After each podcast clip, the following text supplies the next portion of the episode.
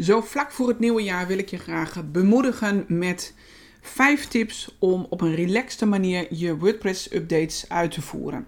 En mocht je het spannend vinden ehm, of een keer een vervelende ervaring hebben gehad met het updaten van WordPress, dan wil ik je in deze podcast 5 tips geven om een, op een ontspannen manier je WordPress website bij te werken. Na de intro gaan we snel aan de slag.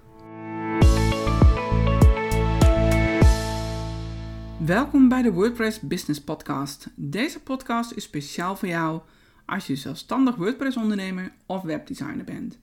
Of gewoon lekker geïnteresseerd bent in WordPress. Mijn naam is Rolinde Brons en elke week neem ik je mee in de wereld van WordPress met tips en achtergronden. In feite is werken met WordPress niet heel veel anders dan werken met allerlei andere soorten ja, activiteiten die je doet. En dat betekent dat een goede voorbereiding het halve werk is.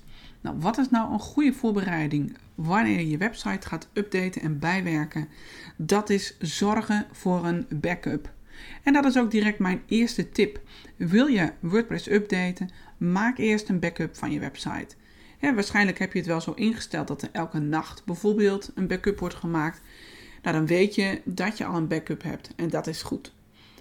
Uh, en daarvan uitgaande dat je betrouwbare backups hebt. Dus maak als eerste, voordat je gaat beginnen, een backup van je website. Dan neem je het zekere voor het onzekere. Mocht er onverhoopt iets misgaan, dan kun je altijd naar de laatste versie van je website gaan. Nou, wanneer je die voorbereiding hebt gedaan, je weet zeker dat je een recente backup hebt, dan ga je eens kijken welke updates er klaarstaan. Van je thema, van je WordPress of van je plugins. Uh, meestal heb je drie keer per jaar een update van je WordPress. En je thema, ja, dat verschilt heel erg per thema wat je gebruikt. Sommige worden jaren niet bijgewerkt. Dan kun je afvragen of je het juiste thema hebt. En een andere die komt bijna elke week wel met een update. En dan heb je natuurlijk nog de plugins. Ja, en hoe vaak uh, plugin updates jij hebt, dat ligt aan hoeveel plugins je hebt en aan welke plugins je hebt. Daarom is het goed om elke week eventjes in te loggen in je website en te kijken hoeveel updates en welke er voor je klaarstaan. Vervolgens ga je kijken, elke plugin of elke update moet ik zeggen, heeft een changelog. Een, een log van de veranderingen die er zijn ten opzichte van de laatste versie. En in die changelog, wanneer je daarop klikt, dan kun je, daar staat vaak details van deze update. En dan kun je precies zien wat er aangepast is en waarom die update beschikbaar is gemaakt. En misschien is er een veiligheidsissue verholpen, misschien is er een, een eh, designfoutje verholpen, misschien is er een nieuwe feature toegevoegd en misschien is er iets compatible gemaakt met PHP of met WordPress zelf. Tegen die tijd dat er een nieuwe WordPress-versie is, ja, er komen heel veel plugins ook weer met een nieuwe update, of de komende plugins ook met een nieuwe update van, joh, deze is compatible met de laatste versie van WordPress. En lees dat goed door, want dan kun je ook um, inschatten wat de impact is van die update. als het echt een, een, een design iets is, en soms staat er ook wel echt een waarschuwing, maak eerst een backup of deze update heeft uh, invloed op dat en dat onderdeel van je website. En daarom is het goed om die changelog goed door te lezen. Want net als met een backup, een goede voorbereiding is het halve werk. En dan kom je ook minder snel voor verrassingen te staan nadat je de update hebt uitgevoerd. Nou, als je de changelog hebt gelezen en je denkt: hey, dit is een, uh, dit is een, uh, een, kleine update, dit zal niet zoveel impact hebben, nou, dan kun je hem in principe gewoon updaten. Daarbij zou je nog onderscheid kunnen maken tussen een update die um, aan de voorkant effect heeft en een update die bijvoorbeeld aan de achterkant effect heeft. Maar in principe kun je een kleine update gewoon uitvoeren. En zeker als je ook de ervaring hebt met die plugin dat het altijd wel redelijk goed gaat, ja, dan kun je dat gewoon doen. Zeg je van nou, ik, ik weet het nog zo niet, of mijn website is super belangrijk, dit mag gewoon echt niet fout gaan. Ja, dan zou ik eerst tip 3 gebruiken. En dat is maak van je website eerst een kopietje en ga de updates testen op die kopie. Voer daar eerst alle updates uit kijk wat het effect is. Doen je formulieren het nog? Doet je WooCommerce uh, checkout pagina het nog? Ziet alle pagina's er qua layout nog goed uit? Al dat soort dingen kun je dan even rustig testen voordat je het op de live versie gaat doorvoeren. Dus is jouw website het hart van je bedrijf? Test de updates dan op een kopieomgeving.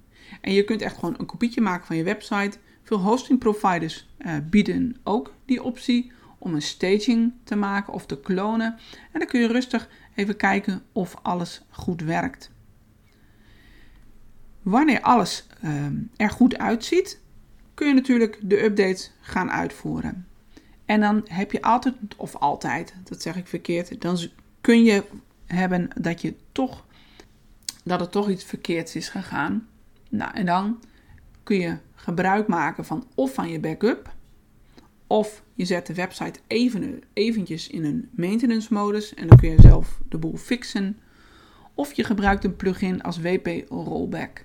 En met WP Rollback dan kun je heel eenvoudig eh, van elke plugin die jij op je website hebt, een vorige versie terugplaatsen. Of twee vorige versies, of wat dan ook. En ja, in 9 van de 10 gevallen doet je website het dan weer zoals die het hoort te doen. En dan kun jij ondertussen rustig kijken van, joh, waarom is die update nou verkeerd gegaan? Of je wacht een paar dagen, soms komt er dan weer een nieuwe update, omdat in deze update toch iets niet goed was. Dus met die rollback plugin kun je altijd een stapje terug wat plugins betreft. En ehm, uit mijn hoofd wordt alleen, uit mijn hoofd gesproken, worden alleen de WordPress plugins ondersteund die in de bibliotheek van WordPress zelf uh, aangeboden worden. Dus een premium plugin zal naar mijn weten niet via de WordPress rollback werken. En wanneer je alles hebt uitgevoerd, ja, test alles dan nog een keertje grondig en maak opnieuw weer een backup. Want ook dan heb je, ja, heb je gewoon een goede voor-situatie, na-situatie, waar je in geval van nood op terug kan vallen. Dan heb je ja, het netjes op orde. Nou, er zijn natuurlijk uh, nog een aantal vragen die je misschien hebt. Bijvoorbeeld de vraag: joh, waarom zou ik niet de auto-updates aanzetten? Hè? Je kan automatisch updaten. Nou, mijn vraag of mijn antwoord is eigenlijk: doe dat alleen van de plugins waarvan je echt zelf hebt ervaren dat het in 9 van de 10 keer gewoon goed gaat. Dan zou je hem automatisch aan kunnen zetten. Of wanneer je weet dat je zelf super chaotisch bent en je weet dat je het eigenlijk elke week moet doen, maar je doet het niet. Ja, ook dan zou je dat nog kunnen doen, de automatische updates. Maar zorg dan wel echt voor die backups die je hebt, zodat als er wat fout gaat, dat je makkelijk kan schakelen. Bij een grote, is nog een uh, tip die ik eigenlijk mee wil geven. Bij grote updates eh, zie je vaak dat het uh, getal van de versie ook verandert. Bijvoorbeeld we gaan van versie 4.8 naar 5.0.